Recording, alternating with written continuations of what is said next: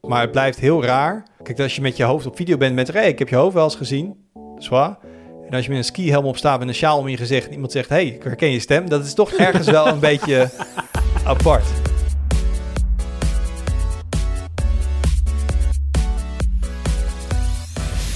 Hoi, leuk dat je luistert. eh, en je luistert naar de 200ste aflevering van de Tweakers Podcast. Yay!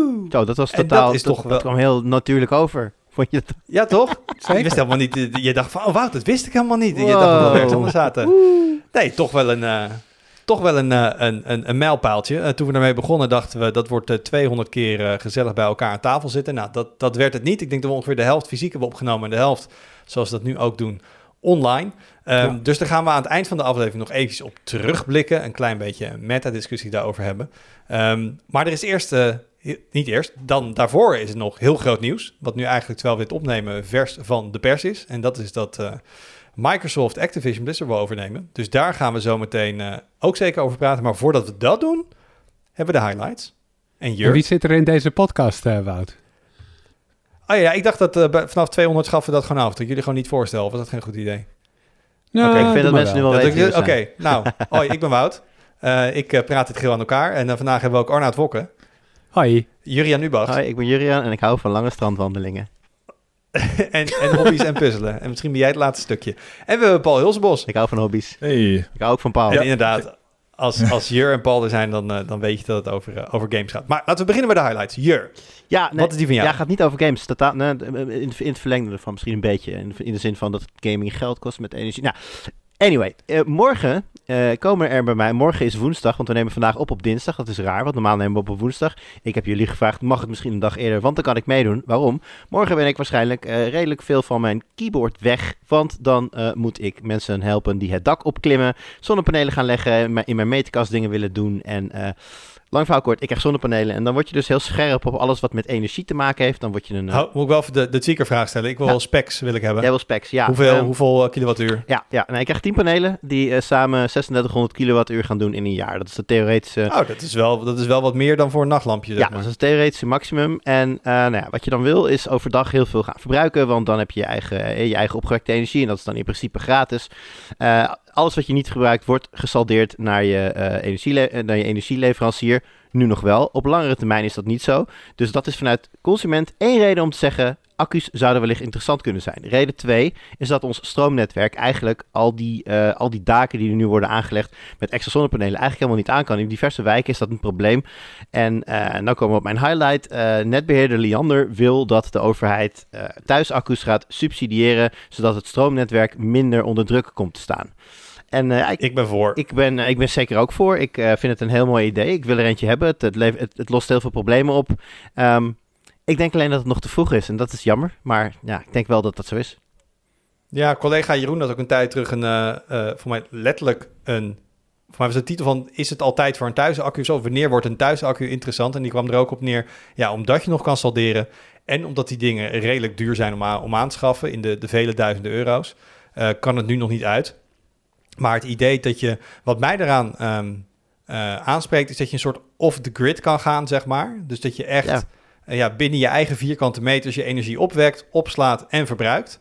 Ehm, en eh, ik had toevallig ook met iemand anders een discussie over. Het schijnt dan wel, als het stro- stroomnet echt helemaal eruit ligt in je wijk, dan werkt het alsnog niet goed. Want dan mis je zeg maar het, het kloksignaal van, je, van, van de stroom, zeg maar, waardoor dat soort dingen niet helemaal goed werken. Dus je bent niet helemaal off the grid in dat Hmm. opzicht. Ehm, maar ja, de, de, ik wil wel zo'n powerpack ergens in huis hebben en, en netjes die energie opslaan. Ik snap ook wel dat Leander het zegt, want die zegt ook, ja, dat, dat netwerk is hier gewoon nooit voor gemaakt. Het is eigenlijk een soort eenrichtingsverkeer. Er moest gewoon stroom naar huishoudens toe. En nu loopt iedereen dat terug te pompen. Ze hadden het zelfs maar over die dunne draadjes. Gewoon Ja. echt letterlijk Ja. gewoon hè, capaciteit op de, de, de aders van het stroomnetwerk. Ehm, ja, en dan kun je twee dingen doen. Of je kan dus minder eroverheen pompen. Of je moet dus niet alleen bij mensen thuis meterkasten omgooien. Maar je moet alle straten volgens mij open gaan gooien. En je moet overal... En misschien moet het wel allebei op termijn hoor. Dat kan ook. Maar ehm, ja, ik, ik zou het heel tof vinden. Want ik, het idee is tof. Maar ja, voor mij had Jeroen eh, voor mij iets van 7.000, 8.000 euro als je een beetje capaciteit wil. Ja, ik neem aan dat jij ook, Jur, dat jij ook zonnepanelen neemt... omdat je ergens de berekening hebt gemaakt... dat dit jou uiteindelijk geld gaat opleveren... in plaats Ja. van gaat kosten. Ja, zeker. En eh, dat is nu met salderen. Maar als salderen afgebouwd wordt... ehm, op het moment dat energiekosten aan zich stijgen, dan is je besparing met alles wat je op je eigen dak heeft liggen natuurlijk zo, zoveel maal groter. Dus dan kun je wel zeggen, ja, de saldering stopt. Ja, oké, maar als ik straks vier keer zoveel moet betalen voor de elektra die ik ergens anders koop, ja, dan is, dan is het extra lucratief om mijn hele dak vol te leggen. Dus uh, ja, nee, zeker. Dat is absoluut uh, onderdeel ervan. En uh, als ik daar op termijn eventueel gesubsidieerd door de overheid, Goliander, daar een, ergens een accu'tje voor kan hebben, waardoor ik inderdaad ook in de avonduren, hè, ik als gamer die vaak laat in de avond nog bezig is, dan ja, zou dat mij vrij goed uitkomen. Dan trek jij gewoon je accu leggen. Arnoud en of Paul, hebben jullie panelen liggen? Nee. Ik heb uh, panelen liggen op een ander dak. We hebben in uh, Rotterdam is er een initiatief, en dat zal ook in meerdere steden al wel zijn hoor, maar Rotterdam, jee. Ehm, er is een, een uh, door gewoon bewoners gestarte coöperatie opgericht. Die uh, in dit geval, in, mijn geval gaat het om het dak van een oud schoolgebouw waar nu kantoren in gevestigd zijn. En dat dak is beschikbaar gesteld door de verhuurder van het bedrijf. En dat is volgeplemd met zonnepanelen. En daar kun je, je kunt een soort aandeel kopen in, de, in die coöperatie. Of huren, sorry moet ik zeggen. Um, en dat gaat dan per zonnepaneel. Dus wij huren acht zonnepanelen daar die op dat dak liggen. Omdat bij onszelf op het dak zou het technisch gezien wel mogelijk moeten zijn. Maar we hebben een aantal uh, uh, offertes ooit een keer aangevraagd. En die waren allemaal of duur of, of de installatiebedrijven die zeiden direct nee. Dus dat is echt een hele toffe uitkomst. En er is, die coöperatie die zoekt dus in Rotterdam steeds meer van die ja, publieke daken op sportzalen en weet ik veel wat, en scholen, om, om dat uit te breiden. Zodat ook mensen die bijvoorbeeld in een benedenhuis wonen, terwijl daarboven nog een pand zit, die überhaupt geen zonnepanelen uh, aan kunnen leggen, omdat ze niet zelf een dak hebben, toch, uh, toch zonnepanelen kunnen. Maar jij huurt dan het paneel en jij ja. uh, krijgt dan geld voor het, de stroom die daarmee opgewekt wordt, die gesaldeerd wordt. Ja. Dat krijg je dan. En ja. dat bedrijfspand daaronder gebruikt ook een deel van.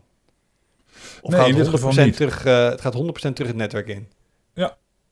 Oké, okay, dus, maar dan, dat... dan zijn die salderingsregels en die afbouw over tijd is voor jou heel belangrijk. Want kijk, je kan ja. thuis nog zeggen van ik hang zo'n accu op. Ga ik het zo oplossen. Maar als er niet meer gesaldeerd kan worden, dan is zo'n heel project ook niet heel interessant. Klopt, klopt. Maar goed, voorlopig uh, dus, werkt uh, dat nou, nog. je kan er in ieder ben geval ik nog heel blij uh, met deze oplossing. een x aantal jaar mee vooruit. Maar uh, daarna moet je ja, toch maar even kijken naar wat het dan wordt. Maar, maar voor mij begint het allemaal morgen, dus ik heb er zin in. Ja, nee, dus Jur is gewoon, voordat we allemaal, allemaal buzzkill en allemaal uh, dreams crushen hier en zo. Jur krijgt zijn tien panelen. Uh, die kan lekker uh, mee gaan fijn. Morgen windkracht. Het grote zonnepanelen topic. Morgen windkracht 10, geen, niemand, op het, niemand het dak op. Dat, dat, is, dat, dat is wel, hè. Ze, ze, gaan met regen op zich wel, maar als het dan en regent en een beetje waait, je moet, je moet, je moet rekenen. Dan gaan, ze gaan met loodzware panelen. En die panelen zijn natuurlijk ook nog gigantische windvangers. Dus ja, als het uh, ja. iets te hard waait, dan, dan bellen ze je op. Zorgen ze, zeggen ze, ja, helaas, nieuwe datum. Dus praying for good weather. Ja. Hey Paul, jij had nog een, een, een klein highlightje volgens mij, hè? Ja, echt wel uh, best wel klein. Ik, uh, wie Tweakers een beetje volgt, weet dat ik ooit uh, veel met uh, Nixie-klokjes gedaan heb. Van die hele Zeker. mooie old-fashioned klokjes. En het, het topic op het forum is weer tot leven gekomen. Zag ik tot mijn vreugde, waar ik zelf ook erg aan bijgedragen heb. Dat heeft een tijdje stilgelegen en er was een klein groepje fanatieke, fanatieke enthousiaste zelfbouwers van dat soort hele mooie klokjes. Dus je gaat er allemaal naartoe. bouw er zelf een. Ze zijn maar hoezo is dat opeens weer er is gewoon iemand bijgekomen die zei: hey jongens, dit is leuk. De... Hoe, hoe ligt zoiets een jaar stil en wordt er opeens weer gebouwd? Nou ja, kijk, er zijn niet zo heel veel mensen die dat soort uh, dingen zelf bouwen. En iemand stuitte kennelijk op het uh, forum topic en uh, plaatste daar weer eens wat in. En dat zorgde er bij mij voor dat ik weer een highlight kreeg van het forum topic. En ik had toevallig net ook een, een, een, klokje afgerond, dus daar heb ik de foto's van geplaatst. En toen kwamen er weer allemaal... Want jij bouwt ze nog steeds af en toe? Ja, het is, ja, ik vind het gewoon leuk en mooi en weet ik veel wat. En af en toe verkoop ik er een of geef ik er een weg, weet ik veel. Ik heb er pas een aan mijn nichtje gegeven. Nou ja. Het is gewoon Oh, leuk, om mee bezig te zijn. Het zijn mooie dingen. Het is mooie voor de mensen die het niet kennen, dit zijn met van die, ja, wat voor buisjes zijn dit? Hoe noem je die Ja, dingen? ze heten Nixie-buisjes. En eigenlijk zijn het... Het is techniek uit de jaren 50 van de vorige eeuw. En eigenlijk stiekem nog wel wat ouder. Maar in de jaren 50, 60 werden ze het meest gebruikt. Ehm, en het is een beetje een voorloper van, van die... We kennen allemaal nog wel die oude wekkers... waarbij je van die rode eh, segmentcijfertjes had, weet Ja. je wel. En daar is het een beetje de voorloper van nog. En het is, het is een glazen buisje, er zit gas in en in dat buisje zitten eh, tien gloeidraadjes. Die el- elk gloeidraadje heeft de vorm van een cijfer. En als je eh, stroom zet op het juiste gloeidraadje, dan gaat dus dat gloeidraadje gloeien in de vorm van dat cijfer. Het is eigenlijk een hele simpele techniek. Maar er zit een hele mooie oranje eh, gloed aan, aan dat licht.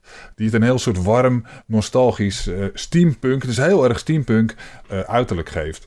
En eh, nou, ik, we hebben er ooit een beeld over geschreven. Zeker. En ik weet ook dat jij regelmatig die dingen dan, dat jij eBay afstruint. Want die dingen Ja. wordt niet meer gemaakt. En voor mij haal je daar ook veel uit Oost-Europa. Is, is dat nog steeds, Zeker. is dat nog steeds te, te vinden? Of is het ook steeds moeilijker om die buisjes te kopen? Beide. Ehm, ze, zijn inderdaad eh, tot aan ongeveer 1970 in het Westen wel gemaakt, maar in Oost-Europa waren ze niet zo snel met die, met die, met die eh, eh, LCD-techniek. Dus daar zijn ze nog een jaar of tien eh, langer eh doorgeproduceerd. Heel veel voor militaire doeleinden overigens. Die oude Russische raketgeleidersystemen die, die waren uitgerust met dat soort displays waarin de cijfertjes weergegeven met van die, werden met van die Nixie-buisjes. En er zijn er voor militaire doeleinden nog wel een tijdje gemaakt. En die duiken af en toe nog op uit gewoon oude militaire voorraden in eh, Wit-Rusland, Oekraïne of, of Rusland zelf, dat soort orde. En die, die belanden dan inmiddels op, eh, op eBay. Dus daar verschijnen er nog steeds wel van. Er zijn ook nog wel, wel gewoon te koop. Maar het worden er wel steeds minder. En je merkt ook dat de prijzen wel stijgen. Voor de gewildere, de, de mooiere buisjes, daar eh, betaal je echt zo eh 100, eh, 200 euro per stuk. Oké, dus, dus door weer in deze podcast te noemen dat dit weer leeft, eh, ben je alleen Ja. maar jezelf in de voet aan het schieten. Want Ja. nu eh, gaan meer mensen niks mee concurreren. Het is heel moeilijk. Het is echt vreselijk En ingewikkeld. het is ook helemaal niet leuk en het is helemaal niet Nee. mooi. En Nee. eigenlijk moet je Nee. hier, is het een lowlight en moet je er niet naar luisteren. Oké, hebben, we dat, eh, hebben we dat tenminste duidelijk. Arnoud, Ja, over, over lowlights gesproken.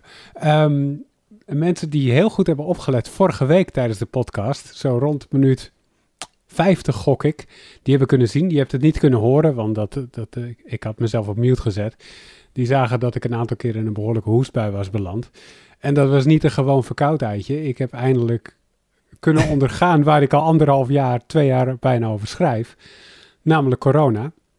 En ehm, eh, ik heb dus ook eh, de hele flow kunnen even, doorlopen. even, even van, voor de, de luisteraar. Het gaat oké met je. Je bent niet heel erg Ja, ziek ja, geweest zeker. en je voelt je nu weer redelijk Zeker. goed, toch? Zeker, geen reden tot zorg in elk geval. Ik, ik, het was een paar dagen, was het, nou ja, hm, een beetje niet lekker of zo. En daarna ging het al snel weer beter en het is niet meer minder gegaan. Dus dat is mooi. Ik ben blij dat ik er zo vanaf kom, zo'n virus wat zoveel leed heeft veroorzaakt. Maar ik kon dus ook die hele eh, molen van die communicatie die je krijgt na een positieve test. En daar vielen me toch een aantal dingen tegen, om het zo te zeggen. Er waren een, een, een paar dingen die me opvielen. Ten eerste, ik wilde mezelf netjes melden via coronamelder, zodat mensen met wie ik in contact was geweest de dagen ervoor, ik dacht nul, maar toch, ik denk ik doe het, ehm, een seintje zouden krijgen via coronamelder.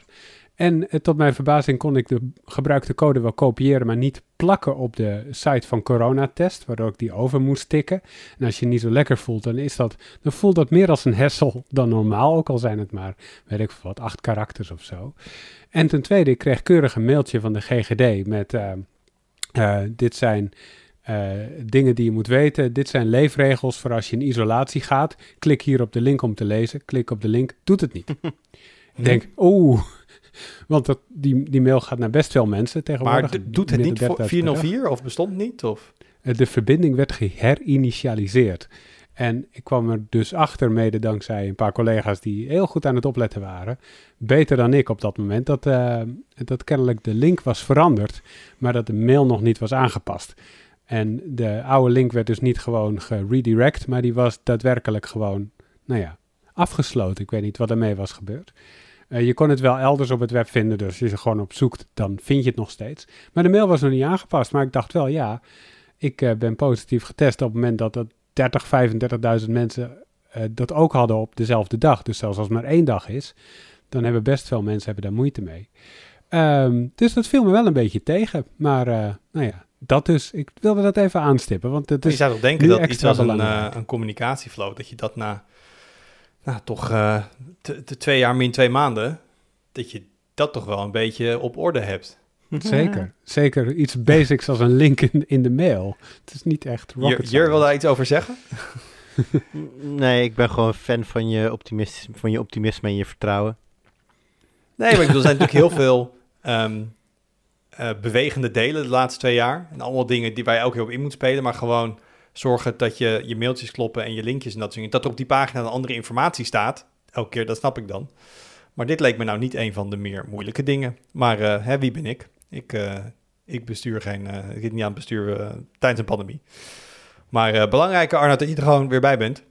Yes. En dat je er zo licht vanaf bent gekomen. Weet jij nog hoe dat was, Jur? Ooit in de ver verleden? Corona hebben. COVID hebben? Ja, ik, eh, ik, het heel ver ik moet geleden. wel zeggen, ik, eh, ik had best eh, de, de alpha variant best willen ruilen voor de omicron variant volgens mij.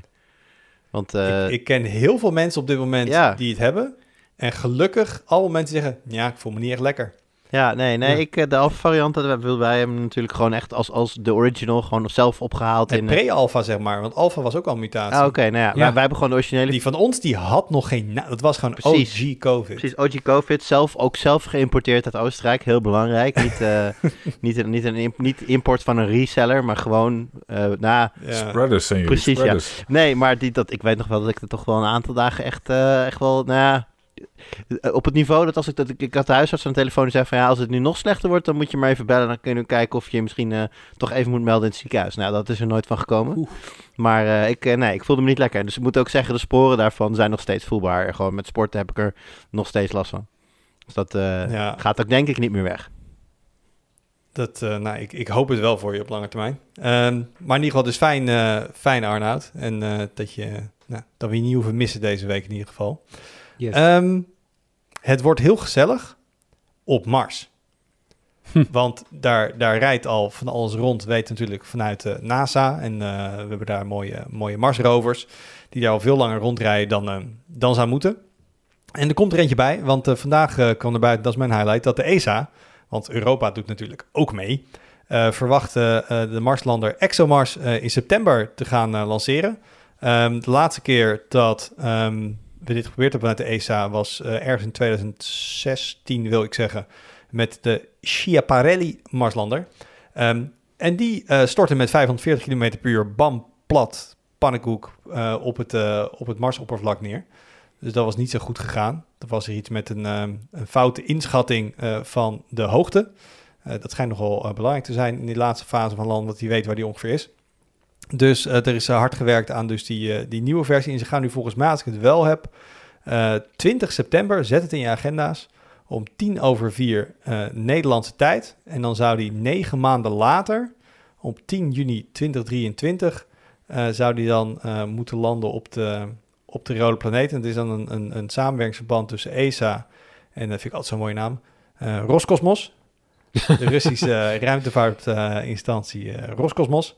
Ehm, het- hij heet eh, Rosalind Franklin. Waarom ook niet? Eh, en ze zijn nu, Europese naam. wat zeg je? Mhm. Ja, Rosalind Hele Franklin. Europese Ja. naam. En ze zijn nu aan het testen met een eh, soort van de, de test op aarde worden gedaan met Amalia. Dat is de testversie. Ik weet niet of die vernoemd is. Oh, dat staat nee, niet vernoemd naar die van. eh, sorry, het is een, Nee. een Italiaanse professor, Amalia. Maar eh, ik ben wel benieuwd, want ik vond bij die vorige Marslanders, het is wel. ehm, nee, het is niet zo'n big deal als de maanlanding destijds. Maar ik weet wel bij die, die eerste foto's en beelden van zo'n Marslander. En dat je dan ook. Ja, ze kunnen niet live meekijken met zo'n landing. Zit met die vertraging. Dus een soort Schrödingers Marslander. Van hij is eigenlijk kapot geslagen. En tegelijkertijd is hij ook geland. We weten het nu nog niet. Ehm, ik vind het altijd wel hele, hele spannende en hele toffe eh, eh, ja, momenten zo'n launch. En het zal vast ook wel weer gelivestreamd worden. Dus eh, ik heb in ieder geval in mijn agenda gezet. Eh, Maar 10 hoe lang, juni hoe lang is de, de 2023. launch window? Want het is natuurlijk met die stand van die planeet op een gegeven moment is dat voorbij. En dan duurt het veel Ja, langer ze er te tussen komen. 20 en zo. september en 1 oktober hebben ze een launch window. Dus ze hebben 10 dagen om het te doen. Eh, omdat dan Mars en aarde in een gunstige baan staan.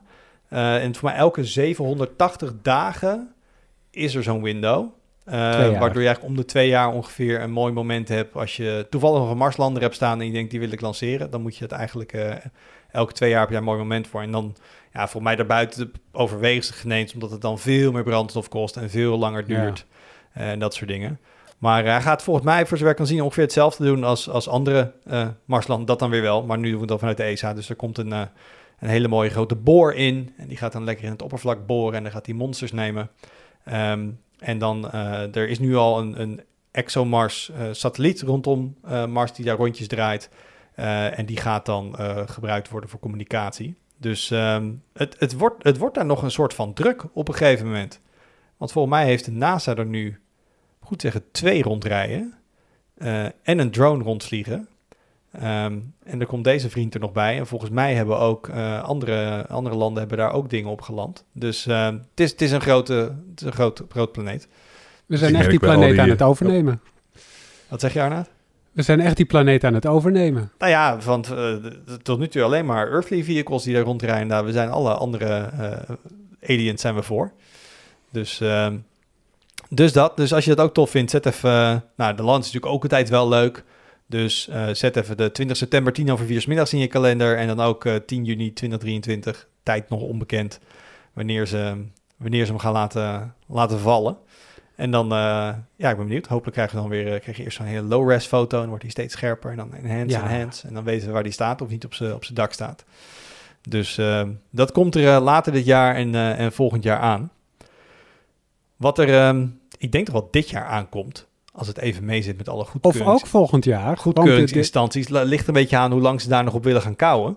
maar dat is dus de overname van, um, van Activision Blizzard door Microsoft. Ik moet zeggen, het was eerder vanmiddag echt een ik, ik weet nog, ik had Twitter openstaan en iemand retweette een tweet van iemand, echt ongeveer in all caps.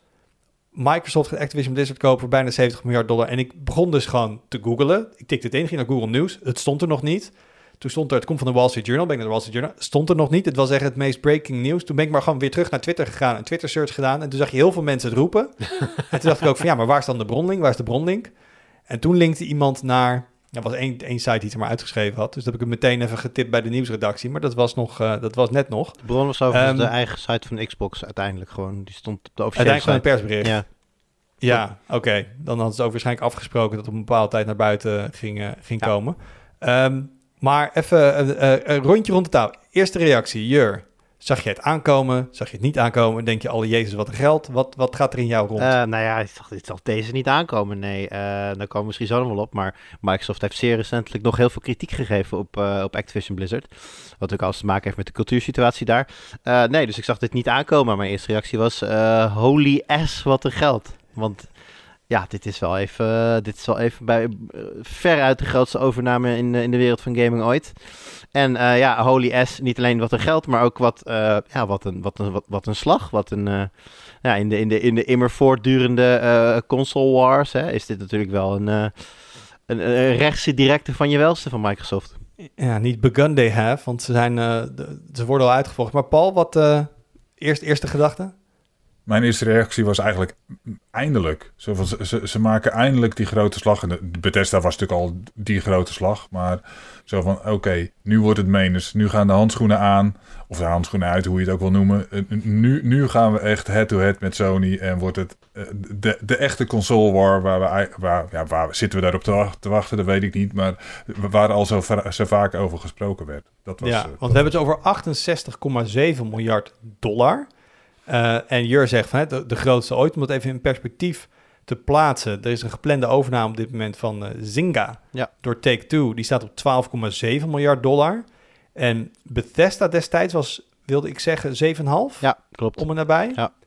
Dus dit is, oké, okay, een beetje naar boven afgerond. Dit is, gaat tien keer zoveel geld in om in deze deal dan toen ze Bethesda gingen overkopen. En de vragen jullie dan, is het portfolio van Activision Blizzard in jullie gevoel, is dat zeg maar ook tien keer wat Bethesda aan waarde levert? Of is dit als een huis kopen in Amsterdam anno 2022? Je moet gewoon enorm overbieden, anders dan dat heeft niks meer met waarde te maken. Um, nou ja, kijk, als je de portfolio zelf gaat bekijken, hè, dan staan er natuurlijk onmiskenbaar een aantal hele grote namen in. Uh, Call of Duty, en dat is natuurlijk nu vooral hot met Warzone. Dat is een van de nou, meest populaire games van het moment. Uh, World of Warcraft, zolang als dat ik nou, bijna zo lang als dat ik professioneel actief ben in de gameswereld, is World of Warcraft een idioot grote game. Dus eh, dat- speelt mee. En eh, Candy Crush zit ook in hun portfolio. Die staat daar zelfs nog tussen. Die is volgens mij de, Niet onderschatten. in, ja, in opbrengsten volgens mij de nummer 2 in, in, qua franchise. Na Call of Duty dan. Dus vlak daarachter eh, World of Warcraft. Dus ja, de, de, de, het portfolio is sterker. Ehm, maar het is breder dan dat natuurlijk. Het is, het is, het is eh, een zo groot mogelijke library willen hebben. Ja, en als je dan juist deze grote titels die eh, eh, nog los van alle andere dingen aan het maken zijn. Hè, want ik bepaalde moet jij maar vertellen. Maar Blizzard is natuurlijk ook al heel lang bezig met, al, met een, een nieuwe MMO. Blizzard heeft Diablo natuurlijk in, de, in, de, in, de, in, eh, in, in huis. Waar op elk moment een heel groot nieuwe game uit kan komen. Tony Hawk franchise. Er zitten allemaal franchises nog achter die een, een, een comeback zouden kunnen maken. Dus het potentieel is enorm. Kijk, eh, is, het, is het tien keer zoveel waard als wat Bethesda allemaal heeft? Dat denk ik niet. Daar, eh, daar, is- de naam en de timing is daar, eh, is daar ook een factor in. Maar dat het heel veel waard is, dat, dat mag duidelijk zijn. Ja, want je noemde al een paar titels. Dus even voor de mensen die misschien niet de portfolio van Activision Blizzard uit hun hoofd kennen. Call of Duty. Ehm, dat gaan we niet uitleggen wat het is.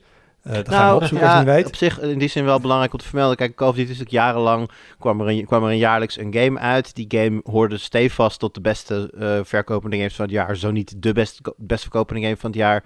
Dat is wel een beetje veranderd. War- Warzone heb je natuurlijk nu, hè, de, de Battle Royale. ja, eigenlijk het spel naast het spel.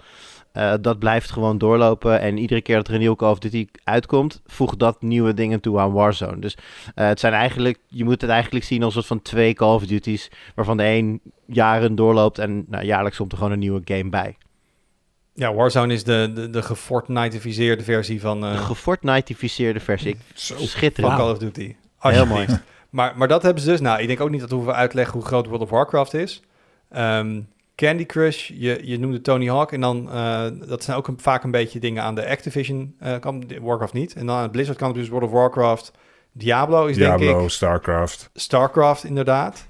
Ehm, Nee, maar ik, ik denk dat het een beetje is... Ja, zeker. Ik denk dat het een beetje is de combinatie van, van de twee factoren die jij noemt, eh, Wout.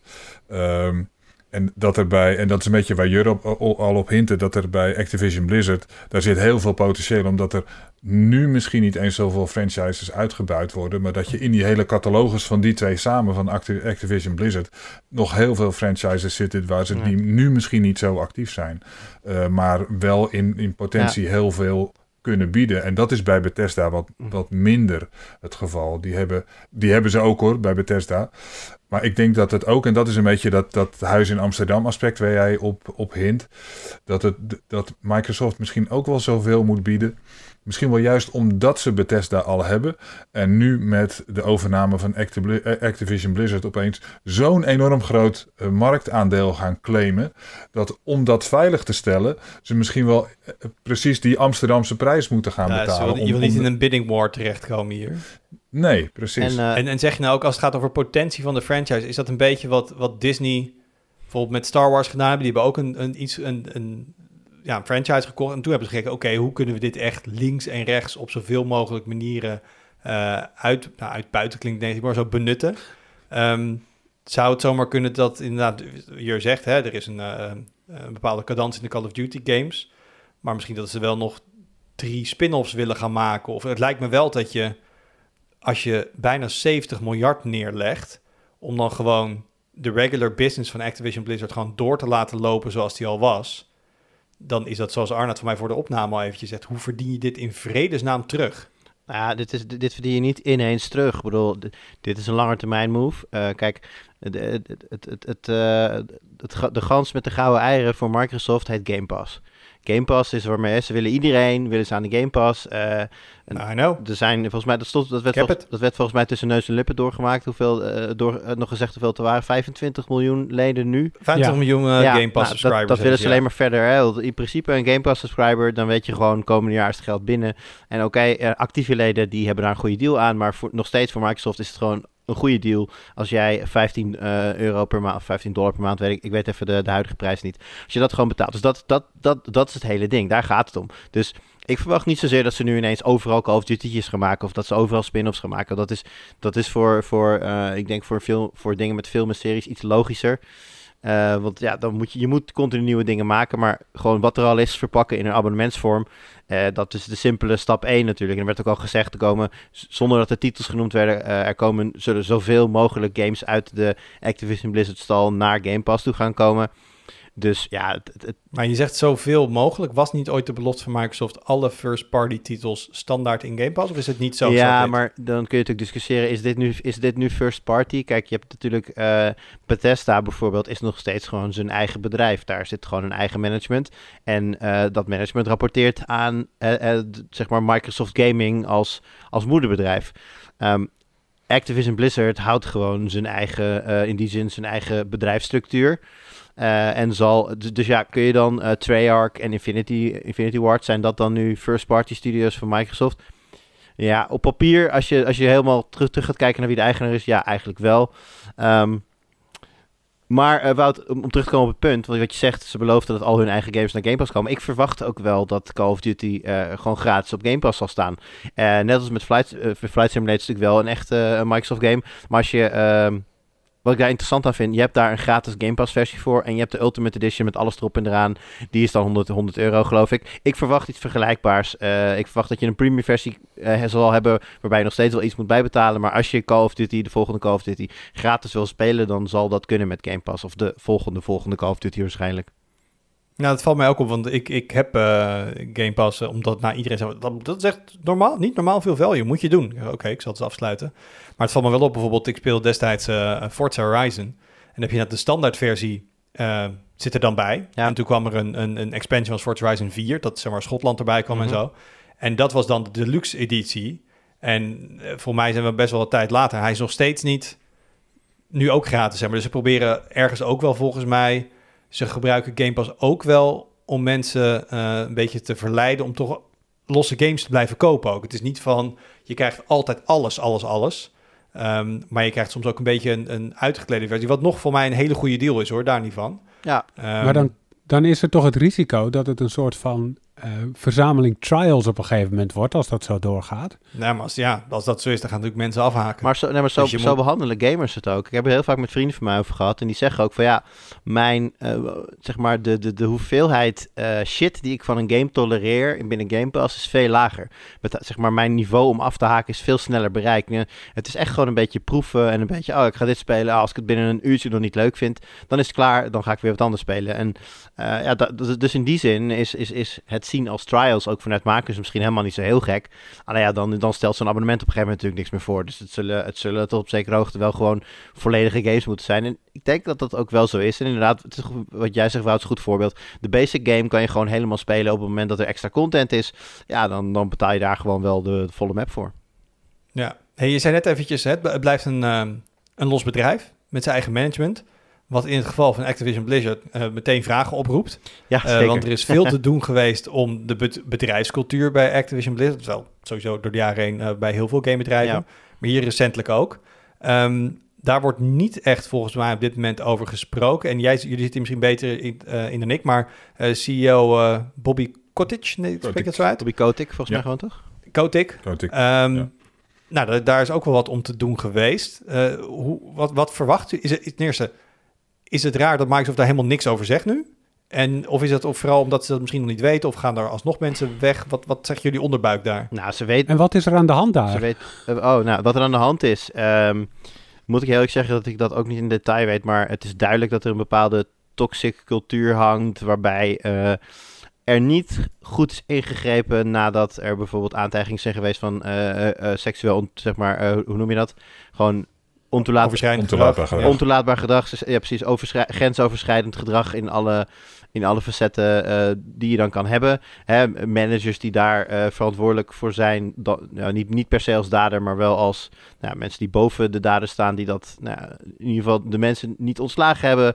Uh, ook als dader. Oogluikend, ook als dader. Nou, je, ga je al. er is een heleboel mis daar. En nou, Bobby Kotick als CEO is daarvoor uh, in die zin verantwoordelijk. Want hij is eindverantwoordelijk voor alles wat er gebeurt bij het bedrijf. Uh, Paul, ik weet niet zeker, was Bobby Kotick zelf ook, uh, werd hij ook genoemd als, als zijnde heeft wandaden gedaan? Niet, niet zozeer. Maar, Maar heeft- eh, wel het feit, hij dat, heeft het feit geweten dat van, hij ervan toch? zou Ja. weten. Ja, Ja, precies. precies. Dus hij heeft niet gewoon geweten dat er ook mensen in nou, redelijk upper management eh, het hand boven het hoofd gehouden. Kortom, dan deugt er iets heel erg niet met je bedrijfscultuur. Ehm, Phil Spencer zelf heeft daar eh, volgens mij twee maanden geleden ook keihard naar uitgehaald. Sony heeft exact hetzelfde gedaan. Die hebben ook Phil Spencer is de baas van... Ja, sorry, Phil Spencer Xbox. is inderdaad de, de baas van, eh, van, eh, van Microsoft Gaming, zo heet die divisie. Ehm, ja, dus in die zin, eh, twee maanden geleden komt dat naar buiten. Nou ja, eh, Wout, jij weet ook, als er een bedrijf wordt overgenomen, of als, als het nieuws naar buiten komt op dag X dat een bedrijf wordt overgenomen, dan waren ze daar twee maanden geleden absoluut al mee bezig. Want het hele due, dili- due diligence proces, dat duurt natuurlijk even. Dus ja, het is dan wel redelijk opvallend dat daar nu eh, niets mee wordt gedaan. Aan de andere kant heb ik wel zoiets van, ja, je neemt een bedrijf over voor, voor 69 miljard. Je, eh, ten eerste heb je alles wat daar nu nog rondloopt in management de komende jaar, anderhalf jaar nog nodig. Want dit moet allemaal nog door langs de mededingingsautoriteiten, noem het allemaal maar op. Dit moet allemaal nog goedgekeurd worden. Dus dat is één. En daarnaast, ja, je hebt net allemaal eh, nieuwe collega's gemaakt. Dit, dit, wordt straks een gigantisch proces om het allemaal te gaan samenvoegen. Is dan letterlijk het eerste wat je gaat doen, eh, eh, meteen maar weer de vinger op de zere plek leggen. Zeggen van wij gaan, wij gaan de beesten er doorheen halen. Wij gaan zorgen dat het goed Het zou kunnen. Microsoft is in mijn ogen een, een, bedrijf dat dit soort dingen, hè, inclusive cultuur en dat soort dingen, heel goed voor elkaar heeft. Ga alleen al kijken naar hoe de, ehm, als je naar de, het leiderschap van, van Microsoft Gaming gaat kijken, dan zit daar een heel gemeleerd managementteam. Dat zijn geloof ik zes vrouwen, vijf mannen en alles van verschillende etniciteiten. Dus die, doen, die zijn daar heel sterk in. Dus dat komt vanzelf wel. Ik denk vooral dat je dat niet bij de eerste bekendmaking meteen helemaal op de voorgrond gooit. Nou, er stond in de aankondiging stond er wel een zinnetje van. We kunnen niet wachten om onze inclusieve cultuur bij alle lagen van Activision Blizzard. Oh, dat heb ik gemist. Bla bla. Ja. Dat stond Maar ja, er kan dan me wel. kunnen ze- voorstellen dat kun- ze- Dan kunnen ze ook zeggen, we gaan Bobby op een eh, cursus sturen. Ehm, Nee, Bobby dat gaat kan zeg eruit. maar uit... Ja, Dat, eh, dat is niet bekendgemaakt hoor. Het, sterker nog, heel veel media mel- melden dat Bobby Kotick aanblijft. Nou klopt dat ook. Eh, in ieder geval voor de eerste periode. Maar zodra de overname afgerond is, staat er ook... eh, st- Phil Spencer schreef... eh, de- Activision Blizzard will report to me. Mi- Microsoft Gaming. Ik denk dat Bobby Kotick daar gewoon eh, langzaamaan stilletjes tussenuit gehaald wordt. En eh, in die zin... Nou ja, eh, niet de kop, de spreekwoordelijke kop die moet rollen, maar een klein beetje wel. ja Ik denk inderdaad ze- dat ze wachten tot alles goedgekeurd is. En dan, en dan kunnen ze met, met goed fatsoen eh, ontslaan. Zo van, nou, we hebben het nu echt voor het zeggen. We weten zeker dat het doorgaat. En eh, dan, dan moet je gaan. Ja, je- maar los, Ja, en los, Nu kan dat ook nog niet, toch? Ze zijn helemaal de baas nog Nee, niet. dat, dus dat en dit- los dit daarvan is het natuurlijk ook, als, als die overname eenmaal goedgekeurd is, is het natuurlijk wel zo handig als de, als, de, als de CEO van het bedrijf dat je net hebt overgenomen, in ieder geval in de beginperiode aan boord is voor een stukje overdracht. Hè. Er zal een heleboel eh, geregeld moeten worden. Ja, dat is allemaal niet makkelijk. Dus daar, Nee, ik zit nog even het persbericht erbij. Er staat letterlijk... eh, Bobby Kotick will continue to serve as CEO. Oké, maar dat is het nu. ja. Once the deal closes, the business will report to Phil Spencer. Dus ze zeggen eigenlijk van ja, je kan alle kanten mee op. Ja, Ja. nu inderdaad, het is nog niet van Microsoft, dus eigenlijk, ze kunnen nu niks met hem doen. Maar ze maken wel het contrast met, eh, met Phil Spencer. Het, eh, het, lijkt, het, wel- het lijkt mij, Wout, eh, als ik hier nog het laatste dingetje over zeg, het lijkt mij totaal onlogisch vanaf het perspectief van Microsoft. Zeker wetende dat je dus hier dat je kritiek hebt geuit op de bedrijfscultuur, waarbij je eigenlijk publiekelijk een aanval doet op hoe Activision Blizzard wordt geleid, lijkt het me totaal onlogisch als je de eindverantwoordelijke in, van die situatie na een overname gewoon op zijn plek laat zitten en daar verder niks mee doet. Het is, het is een te makkelijk moment om daar inderdaad de bezem doorheen te halen en ja, ja goed, je, je eigen inclusieve cultuur eh, daar naar binnen te brengen. Ja, Nou, vooral omdat je daarmee ook heel erg een statement kan maken als, als Microsoft zijn. Ik bedoel, je, je koopt een bedrijf dat nu besmet is, laten we het zo even zeggen. Ze zijn, op- ja, in het nieuws staat Activision Blizzard staat er slecht voor door al deze perikelen. En je kunt nu als Microsoft, wat ik zeg, gelijk een statement maken. Zo van, oké, wij kopen Activision Blizzard, maar wacht even. We gaan ingrijpen en we gaan ervoor zorgen dat, precies wat Jur zegt, dat onze cultuur eh, bij Activision Blizzard eh, gemeengoed gaat. Toch wel grappig dat een bedrijf er slecht voor kan staan, maar dan nog steeds wel 69 miljard kost. Daar zul je er ook wel slecht voor staan. Nou, nee, dat waar. Precies, ja, slechte PR, maar wel waardevolle assets. Hey, en dan nog eventjes de million dollar question. Ehm, nou ja, trouwens de, de 70... 69 eh, miljard. bil- Eh, ja, eh, het, het wordt nu onderdeel van Microsoft. Ze maken nu heel veel multiplatform titels. Ehm, verwachten wij dat Call of Duty nu een Microsoft exclusive wordt of een andere game uit hun franchise? Ik bedoel, we hebben natuurlijk ook, eh, we kunnen naar de overname van Bethesda kijken. Eh, Ja. eh, eerder, eh, eh, nou, paar jaar terug alweer, of vorig jaar, wat was het? Twee jaar? Twee jaar terug of Eh, zo. in ieder geval, waarbij Microsoft ook een studio heeft overgenomen die multiplatform titels maakte. Eh, en waar nu, volgens mij is het met Starfield, een game nog moet uitkomen, die eerst multiplatform zou zijn, nu een exclusive wordt. Verwachten we dat dat ook een beetje de kant is die Activision Blizzard nu opgaat? Ik verwacht dat zeker wel, ja. Dat ze, wat ze bij Bethesda doen, is een beetje cherrypicking. Eh ze hebben in ieder geval aangekondigd dat de lopende projecten allemaal multiplatform blijven. Nou, daar hebben ze Starfield al een beetje Ja, uitgepikt, Paul, omdat dat met, misschien eh, met, de, vroeger met de kanttekening was toen Starfield werd aangekondigd, zijn er volgens mij niet SEC-platformen eh, genoemd. Dus Nee, aangekondigd, dat was een teasertje destijds van, ik geloof, 10 seconden. En daarna werd op een gegeven moment aangekondigd dat het een Xbox, Xbox exclusive was. Maar ze zijn niet, de, de PlayStation is daar niet geschrapt. Het is niet dat ze eerst zeiden van, hij komt naar PlayStation 5 en dan, oh nee, toch niet. Dus Klopt. dat is, dus dat is wel een verschilletje. Ja, maar ik, ik kan me nog steeds wel voorstellen dat ze dus eh, aan, ja, letterlijk dat aan een soort cherrypicking gaan doen. En dat ze veel titels nog wel multiplatform blijven doen. Want er ligt natuurlijk ook gewoon een hele grote markt. En Microsoft wil natuurlijk ook gewoon Ja. geld verdienen. Eh, maar dat ze een aantal. eh, want kijk, het hele probleem is altijd geweest dat Microsoft niet, niet voldoende console exclusives had. En, en Sony wel. Dat was waarop ze de hele oorlog in de vorige twee console generaties verloren hebben. En, en nu hebben ze eindelijk de stappen gezet die nodig zijn om, om, om dat te winnen, om die oorlog te gaan winnen. Dus ze zouden stom zijn als ze dat niet gaan Ja, maar- doen. Want daar is het volgens mij juist helemaal om. Maar dit is niet een overname die gericht is op exclusives. Kijk, eh, Nee, Dit is. eh, als je ze, ze- ehm, exclusive betekent dat je op die manier je platform wil verkopen. Dus dat je gaat zeggen: dit is onze, dit is onze game doos. Eh, Of dat een Xbox of een PlayStation is, maakt niet uit. En deze games kun je alleen hierop spelen. En dat is natuurlijk een, een unique selling point. Maar wat Microsoft doet, zegt van joh, als je onze doos koopt en je neemt ons abonnement erbij, dan heb je al die games die weliswaar multiplatform zijn. Heb je voor één vast bedrag per maand kun je ze allemaal spelen. Kijk, en dat is waar dit natuurlijk om, gaat. Zij, zij verhogen eh, de waarde van, van Game Pass in het algemeen. En eh, ze zullen, denk ik, als je gewoon, nou, laten we de volgende, of de, de Call of Duty van 2023, want zo lang zal het wel duren. als we die even als voorbeeld nemen, dan, dan sluit ik niet uit dat je die gewoon kunt kopen voor PlayStation 5. Alleen als je, als je Xbox gamer bent, dan zit die in je Game Pass abonnement. En dan heb je er dus geen, geen aanschafprijs meer aan.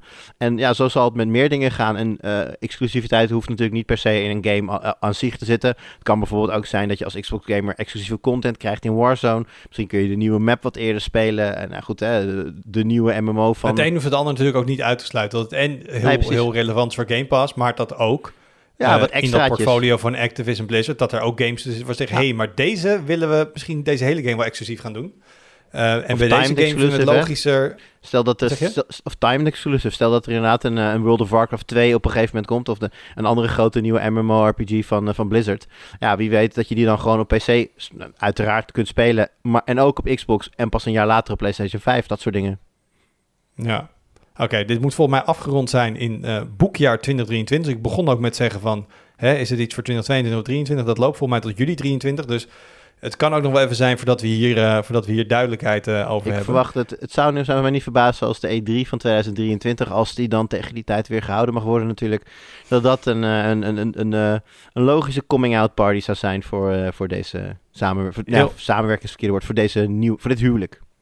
Heel kort nog even. Ik hoor heel veel mensen omheen over Game Pass, Game Pass, Game Pass, Game Pass. Ik zie in de comments bij ons ook van... Man, je bent nu wel heel erg gek dat je geen Game Pass neemt.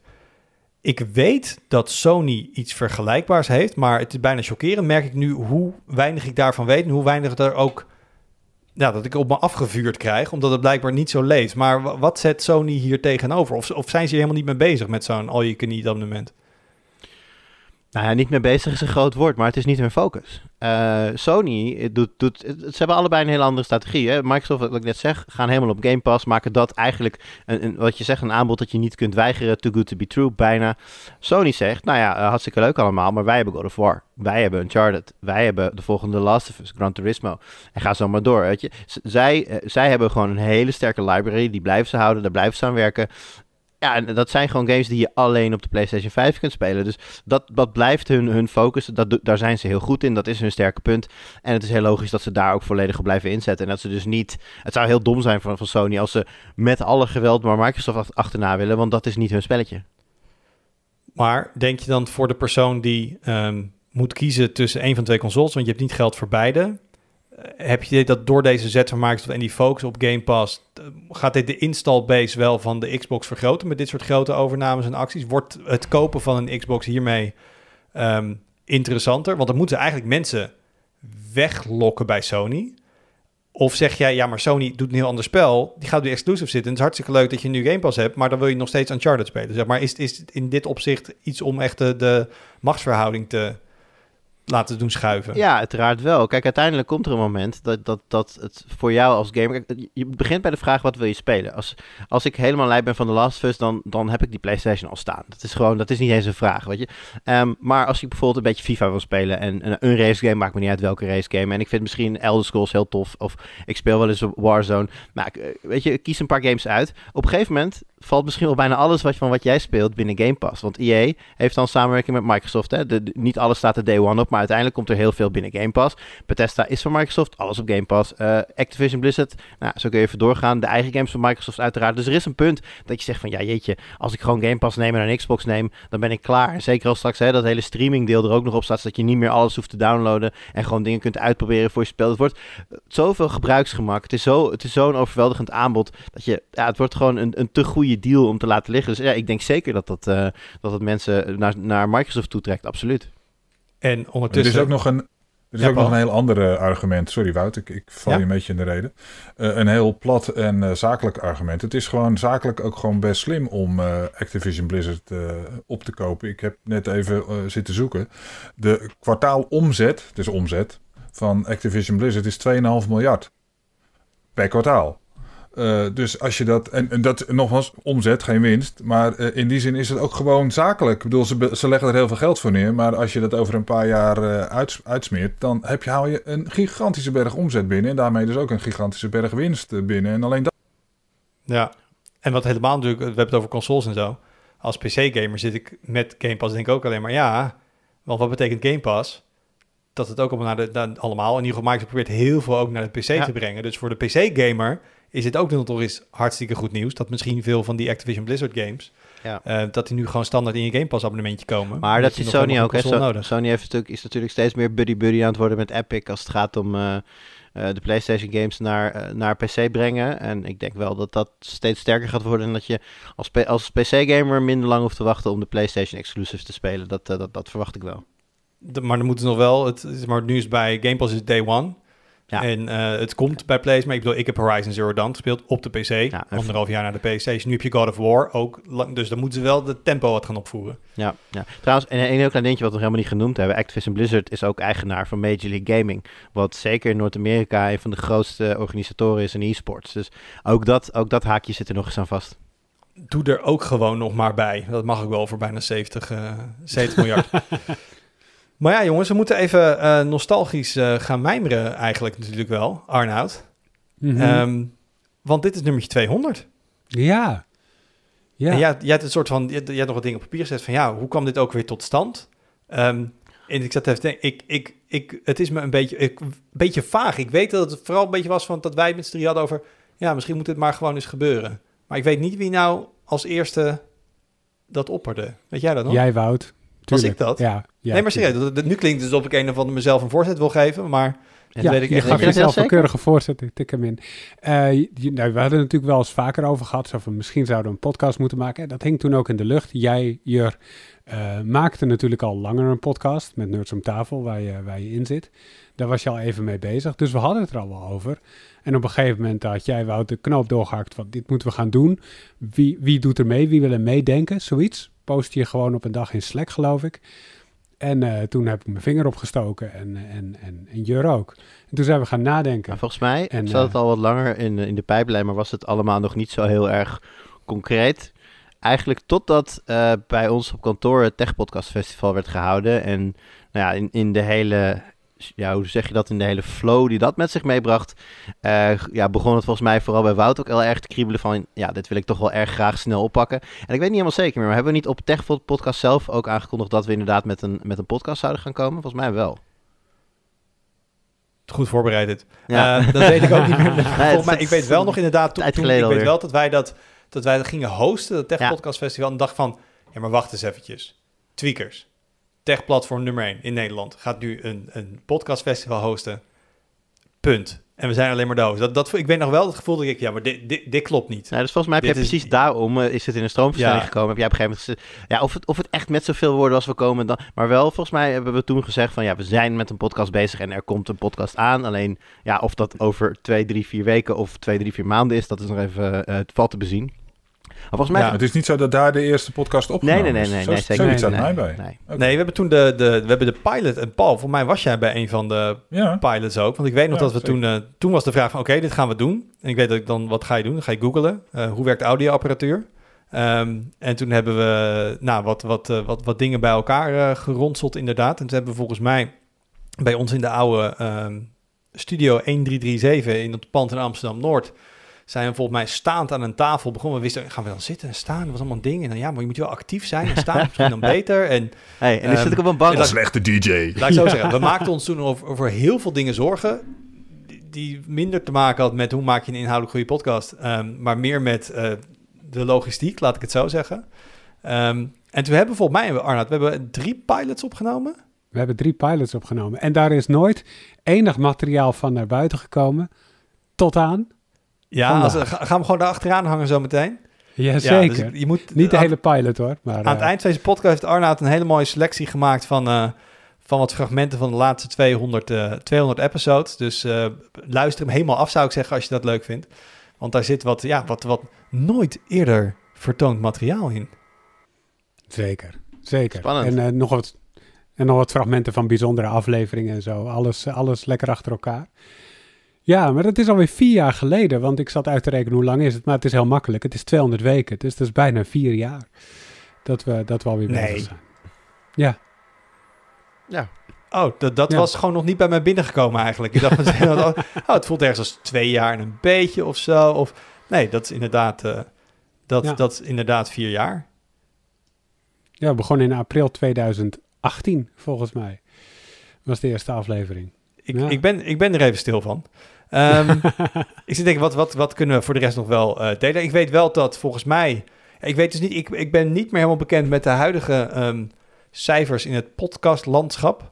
Ik weet wel dat in dat eerste jaar, toen heb ik wel eens wat van die luistercijfers gezien, ook eh, breder. En voor mij deden, we dat, eh, deden wij dat lang niet slecht. En sterker nog, Arno, misschien moeten we even de anekdote vertellen van die keer dat we een prijs hadden gewonnen waar we niet echt op gerekend hadden.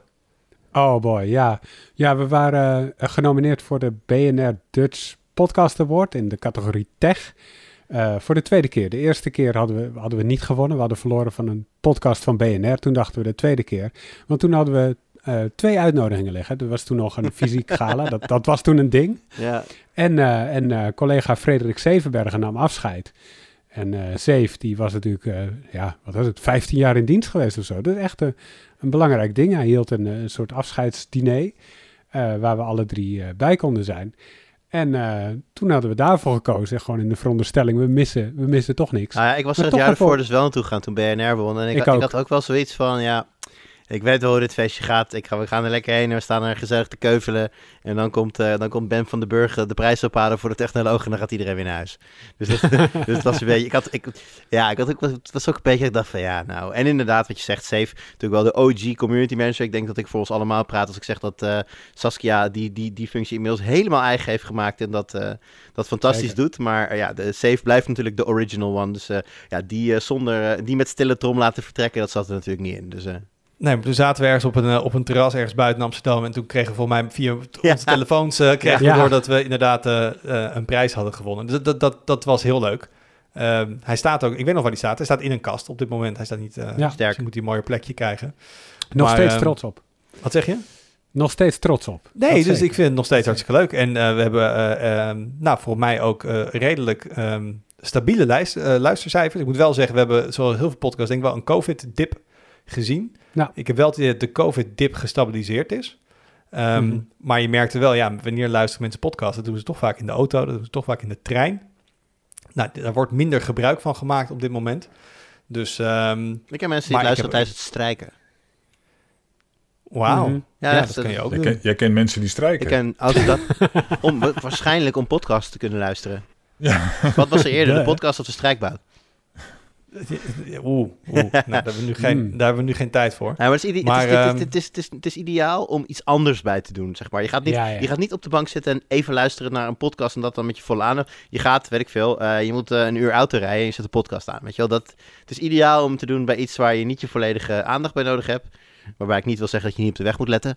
Maar eh, ja, dat gewoon iets anders doen en ondertussen een podcast aan. Ja, maar in ieder geval, dus eh, aflevering 200. En eh, nou, wat, wat mij betreft, eh, op, naar de, op naar de volgende 200. Ik denk wel dat de podcast wat organisch veranderd is over tijd.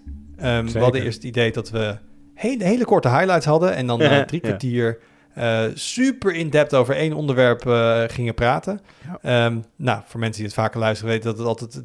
soms kunnen we helemaal blijven hangen op zo'n highlight als het leuk is. Ehm, eh, het, het is allemaal wat, wat, wat, nou, wat minder vast omlijnd geworden misschien. Maar ik denk wel... eh, Nou, dat Eh, blijkt wel, Wout, want even door de vierde muur heen brekend. De highlight, mijn highlight was eigenlijk Microsoft neemt eh, Activision Blizzard over. En toen zei, toen zei jij, of, jij of Arna, zei toen, moeten we hier niet eigenlijk dan gewoon het hoofdonderwerp van maken? Dus zodoende gebeurde dat drie kwartier voor de opname de hele, de hele, het hele script nog overhoop ging. Ja, ja, ja, inderdaad. Maar dat, in dit geval was het ook helemaal, helemaal terecht. Dus ehm, als, je dit, eh, als je dit aan het luisteren bent en je hebt niet alle 200 geluisterd...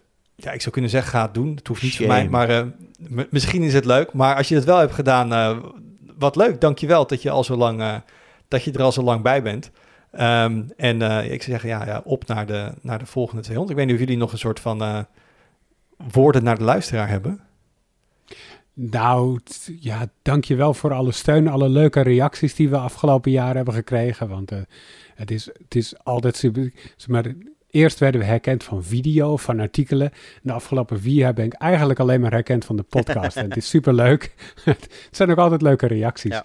Ehm, dus, eh, Het ja, zijn wel ook, het zijn er meer doen gekke. Ik, voor mij heb ik moet ze ook een keer genoemd hebben hier, maar de, de anekdotes van herkend worden eh, van de podcast. Maar het blijft heel raar. Kijk, als je met je hoofd op video bent, met hey, ik heb je hoofd wel eens gezien, zwaar.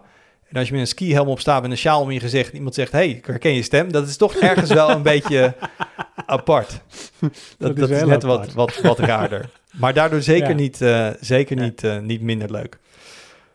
Ja, nog even sneak dan, hè? We moeten het wel gewoon Ja. traditioneel eh, even afronden, want er zit genoeg aan te komen. Arnold, jij bent met een, een, een stuk bezig over het, het langer gebruiken van oude telefoons. Ja, over dingen van vier jaar oud gesproken. Eh, ik, ben, eh, ik ben gaan kijken hoe, hoe het staat met oude telefoons. Dus eh, je moet denken aan een Galaxy S9 of een iPhone 7. En als die nou stuk gaat, hoe kan je die repareren? En heb je nog ondersteuning? En zo nee, kun je custom ROM erop zetten dat je nog langer dat ding veilig kan gebruiken. Dat soort dingen. Komt allemaal aan bod in een, in een groot artikel wat hopelijk deze week nog afkomt en, en dit weekend online verschijnt. En ook leuk, ehm, er komt een verhaal aan over, ehm, we hebben natuurlijk de Pine Phone. Kennen mensen misschien wel, eh, waar je heel veel soorten software op kunt draaien. Maar er is ook een Pine Watch. Een, een Pine een Time heet die toch? Wat zeg je? Hij heet toch Pine Time? Ja, de Pine Time. Pine het is een, het is een Ja. horloge. Eh, maar de Pine Time. Ehm, en volgens mij hebben we dit in samenwerking gemaakt met iemand uit de community, als ik het wel heb. Ja, klopt. En eh, ik, ik heb het nog niet gelezen. Ik ben dus net zo benieuwd als alle lezers nu. Maar ik, ik ben, al, ben veel bezig geweest met de Pinephone afgelopen anderhalf jaar. Eh, stevig mee in de weer. Ik vind het hartstikke leuk om daar gewoon allemaal dingen mee te doen. Het is echt geen daily driver materiaal allemaal. Maar met een smartwatch is die drempel misschien lager. Om, om een smartwatch gewoon dagelijks om te hebben. Dus ik ben heel benieuwd hoe dat is. En hoe dat ding, hoe dat ding precies werkt. En wat je erop kan zetten en zo. Dus heel benieuwd naar. En voor wie zaterdag even lekker een goed verhaal wil lezen, is Jur druk bezig. Oh, moest het een goed verhaal zijn? Ja, nee, dat was wel het idee. Kom je nu mee? Nee, eh, nee eh, ik, ben, eh, ik ben gedoken in de wereld van eh, play to earn. Oftewel, games spelen en, en zo je crypto wallet uitbreiden. Dat is een beetje de, de premise van dit, van dit verhaal. Ja, dus daar kijk ik even naar nou ja, wat, alle haken en ogen eraan en wat, er- wat, wat er aantrekkelijk aan is. En, en alles De veelbesproken NFT's die nu in games opduiken. NFT's, ja, de non-fungible tokens, zeker, die zitten daar absoluut in. Waarvan ehm, de uitgevers dan die het over hebben zeggen... ja, maar dit is geweldig en iedereen wil dit. Nou, eh kleine steekproef in ieder geval bij de reacties van de Tweakers community... is dat niet iedereen dat per se wil. Ehm, dus eh, nou, dat, het is denk ik onvermijdelijk dat heel veel uitgevers hiermee gaan testen en dat ze gaan kijken wat er hiermee kan. Ja, of juist niet, hè? Wat, is nu ook een, eh, wat ook een heel handig wapen is om nu heel hard te roepen dat je er niks mee gaat doen in je games, want dat vinden gamers fijn om te horen op dit moment. Ja, dat is ook waar. En dan zeg je ook dat je geen betaald DLC doet en ook geen microtransactions en dan alles op een schijfje. Oké, dus de, hou, dat, eh, hou de site in de gaten voor al die, al die mooie artikelen die er aankomen. Dank jullie wel, jongens. Uh, dank je wel voor het luisteren naar deze 200ste aflevering van de Tweakers Podcast. Blijf naar de outro eens even hangen. Dan kun je nog wat uh, hele super geheime, nooit eerder gepubliceerde stukjes van onze eerdere afleveringen en onze, hoe noemen we het, pilots, kun je horen. Arnaud? Zeker. Ja, dat, ja, je hing in je microfoon alsof je daar iets aan toe wilde voegen, maar... Uh, nee, zeker je niet. Bent het nee, gewoon ik laat jou gewoon je outro doen zoals je 199 keer hebt gedaan. Ja, dus uh, heb je feedback? Uh, dat mag ook nog steeds naar 200 afleveringen. Dat vinden we ook heel leuk als je die stuurt. Dat kun je ons mailen op podcast.tweakers.net of je kan even een reactie achterlaten op de website. En we zien je weer volgende week bij 201. Doei! Hoi, leuk dat je luistert en welkom bij aflevering 1 van de Tweakers podcast. Want ja, ook Tweakers gaat podcasten. Ik heb een heel belangrijke vraag voor jou. Oeh, dat is? Is het podcast of podcast? I'm gonna go podcast, denk ik. Want we zijn immers Nederlanders en wij verbasteren dat gewoon. Maar het woord podcast is gewoon een Engels woord. Maar toch zeg ik ook podcast. Dus ik denk dat je gelijk hebt. Britse Engels is het podcast. Oh, dat klinkt wel heel mooi. Dus dan doen we het pot in het Nederlands en dan ja, cast in het Engels. Beetje vergelijkbaar met dat een Amerikaans zegt class en een, en een, een Brit zegt class. Is het Chromecast of Chromecast? Ik zeg Chromecast. Ja, nou, dan is het ook podcast. Nou ja, oké. Was dat de belangrijkste vraag? Zeker wel. Zijn we dan nu klaar? nee, dan gaan we nu beginnen. Ik ben benieuwd foto's of andere dingen gaan zien. En om Star Trek te eren gaan we de rest van deze podcast doen in Klingon. Begin jij maar. nee, grapje. Spreek jij Klingon? Ik spreek geen woord Klingon. Ik spreek ook geen Klingon. Ik spreek één woord. En dat is? Kapla. Kapla. En dat betekent je moeder? Zoiets. Zoiets. Oké, okay, als je mensen wil beledigen. Jelle Klingon? Uh, nog nooit Star Trek gekeken zelfs. Wel Star Wars, uh, Jelle? Star Wars heb ik wel uh, de eerste drie afleveringen gezien. films. Het zijn ook een soort van aflevering eigenlijk. Ja, precies. Het, het, volgt elkaar op. Dus even ter verduidelijking. Dus dat zijn de originele drie. Dus deel 4, 5, 6. Ja, oké. Okay. En heb je ook de, dat vond ik de, wel de, leuk. de mooie demonstratie gezien van raytracing van uh, Nvidia? Arnoud, mag ik even zeggen dat je echt on fire bent vandaag? Hoi, welkom Hallo. bij een hele speciale aflevering van de Tweakers podcast, denk ik toch wel. Hallo, ja zeker. Ik, nee, maar misschien komt dit nu binnen in je podcast app en denk jij, wat is dit? Want het is zondag en het is geen donderdag. En uh, wat hoor ik op de achtergrond? En uh, wat zijn ze rare dingen aan het doen? Wij nemen hier op vanaf Tweakers Gaming Live. We zitten in de Brabanthallen in ons, uh, in ons redactiesteentje. In de bos. In de bos. Als je binnenkomt rechts, dan zie je daar Tweakers redactiesteentje. Ja. En wij dachten, laten we gewoon... voor mij is dit de allereerste keer dat wij een soort special episode maken eigenlijk. Ja, nou ja, we hebben natuurlijk de spullen om het op locatie te doen. Maar het moment om dat te doen was nog niet gekomen tot nu toe. Dus eens moet de eerste keer zijn. En waarom dan niet op Tweakers Gaming Live ons eerste eigen grote games event? Hoi, welkom bij de Tweakers Podcast. Leuk dat je luistert naar toch wel een hele uh, bijzondere aflevering. Als je op YouTube kijkt, dan weet je eigenlijk meteen waarom. We zitten niet in de studio. Uh, we zitten aan de andere kant van de wereld, want we zitten op de CES, de Consumer Electronics Show in Las Vegas. En we nemen op vanuit ons appartement, onze Airbnb, waar we hier een, uh, een week lang verblijven. en dit is eigenlijk de eerste keer dat we de hele toko mee verplaatst hebben naar, naar een andere plek dan de Tweakers Studio in het buitenland. Dat doen we eigenlijk omdat we het was leuk om dit vanaf locatie te doen en jullie een klein beetje een inkijkje te geven. Uh, ten eerste wat er op die beurs allemaal gebeurt, daar gaan we het over hebben. Maar ook hoe het is om hier te zijn. Hoi, leuk dat je luistert en welkom bij de Tweakers Podcast, aflevering 58 alweer. Het gaat toch hard, het gaat hard. Um, uh, we hebben weer een volle aflevering en hebben een volle tafel. Hoe, hoe wil je dat zeggen? Rechts naast me Jurian Ubachs. Hallo. Uh, recht tegenover me Chris Brewster. Hoi. En links naast me, wacht, nee, niet links naast me. Tenzij je heel ver over de aarde heen gaat, denk ik. Wout Funnekotter. Howdy. Want je bent niet hier eh, bij ons in de studio. Mensen die op YouTube kijken hadden dat al lang gezien. Uh, maar je zit uh, in de Verenigde Staten van Amerika, is het niet? Ik, het is zeker, het is wel. Ik zit in het pittoreske stadje Palo Alto. Want dit ligt midden in Silicon Valley. En ik ben hier met onze videoproducer Mark om Google by I.O. bij te wonen. heb geen idee hoe dat is. Ik Nee, ga, ik het- ben heel ga het benieuwd. meemaken. Ehm, Ik ben maar heel ik heb het wel uitgerekend en gekeken hoeveel eh, printjes je kan maken met die standaard cartridge die je, die je kan kopen. Ehm, en hoeveel een abonnement is voor hetzelfde aantal printjes. En dan kom je toch echt een stuk goedkoper uit, als in 2,5 keer goedkoper. Ehm, dus ik dacht, nou, dat is best wel een prijstechnisch voordeel. Laat ik het eens proberen. Oké, hoe lang doe je dit al? Eh, twee weken. Oké, dan gaan we hier over een paar maanden op terugkomen. Echt heel ben ik benieuwd. of... eh, Ben ik huilend teruggekomen op dit concept. En dan zeg ik, dit nooit zou meer. het me zomaar kunnen voorstellen. Ik ga er eens even op letten hoeveel jij op kantoor print. Want dat zou natuurlijk een cheatcode kunnen zijn. dat is inderdaad... Afgelopen jaar heb ik alles op kantoor geprint. Dus. Ik weet serieus nog niet eens hoe de printer hier werkt. Ik werk hier nu, sinds, ik werk hier nu vijf maanden. Ik weet dat niet, weet eh, niemand, Thijs. Ja, hoor. Dat is ongeveer elke kantoorprinter geldt het voor. Vandaag heb ik aan tafel Arnoud Hoi. en Jur. Hallo. En een nieuwe stem voor de Hallo, luisteraars. hallo, En. Saskia. Yes. En ehm, laten we gewoon nog even in de lucht hangen wie Saskia is. Dan komen we gewoon zo meteen op terug. Is dat leuk? Hebben we een soort van cliffhanger aan het begin. Eh, Ja, het is een soort van clickbait, maar dan om te luisteren. Luister, clickbait. Het is listenbait. Maar daar gaan we zo meteen wel eh, eh, uitgebreid op in. Eh, het is aflevering 100. Wauw. Snel, Ja. snel gegaan, man. En iedereen vroeg ons van tevoren, oh, wat gaan jullie doen met aflevering 100? En dan komt er misschien wel een groot evenement en doen we een live opname en dit en dat. En we hebben denk ik, drie keer heb ik op een to-do-list gezet, oh ja, we moeten even bespreken wat we met aflevering 100 doen. We hebben ook een paar keer gezegd, ja, daar moeten we iets mee. Ja, ja gaan we Ehm, iets speciaals mee doen. Eh, en nu zitten we hier. Mhm. Eh, dus dit is gewoon een normale aflevering geworden.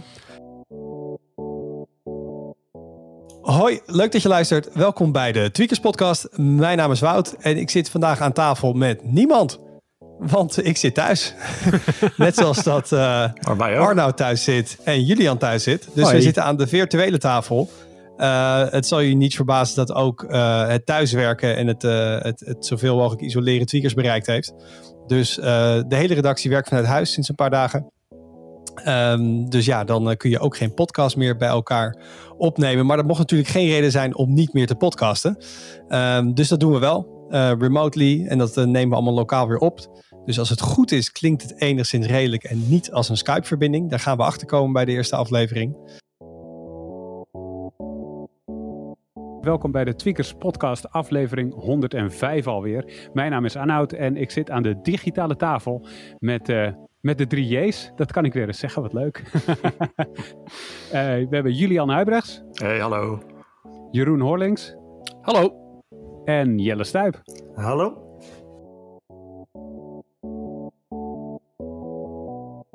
Hoi, leuk dat je luistert. Welkom bij een nieuwe aflevering van de Tweakers Podcast. Nummertje 150 alweer. Wauw. Ik, ik weet niet of een officiële tabel is van...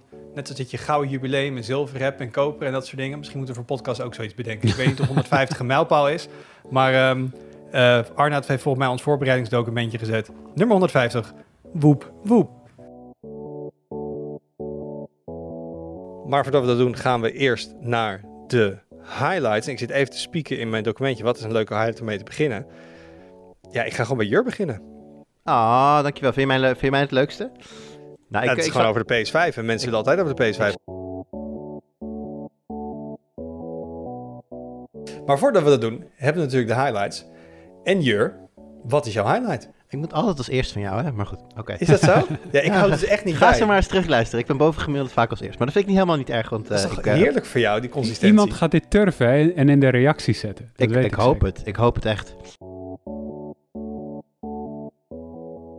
Hoi, welkom bij pilot nummer 3 van de Tweakers Podcast. Ik ben Wout Vinderkotter en ik word vandaag bijgestaan door Juriaan Ubachs als co-host. Hallo. En verder schuiven aan Jelle Stuip Hallo. en Luc van Drie. Hoi. Jelle is onze laptop-expert en Luc is een van onze videoproducers die voor deze gelegenheid van achter de camera vandaan is gekropen en nu voor de microfoon staat. We gaan het later in de aflevering hebben over onder meer virtual en augmented reality, maar eerst beginnen we met de dingen die we toch echt even kwijt moeten. Opvallende gebeurtenissen, nieuwe hardware, nou het kan echt van alles zijn. Jur, wat is dat deze week voor jou? Dit is wel echt zo'n vroege versie weer. Dat je denkt, ja, maar het is heel... Want voor mij was het ding 1500 euro of zo. Dus nogmaals bedankt aan de user eh, die me even wilde uitleggen. Laten we hem in godsnaam heel houden. Ja, anyway, maar eh, dat wilde ik je gewoon even vertellen als sneak peek. Want die komt dus volgende week op de site. Koop. Tot zover de aflevering van deze week. Dankjewel Jur. Oké, graag gedaan. Dankjewel Jelle. Yes. Dankjewel Luc. Jo. Wil je op de hoogte blijven van de laatste ontwikkelingen in tech, dan check je natuurlijk de site. En daar posten we ook elke week de nieuwste podcastaflevering, inclusief de show notes. En daarnaast vind je ons natuurlijk via de bekende podcast apps. Tot de volgende keer. Doei.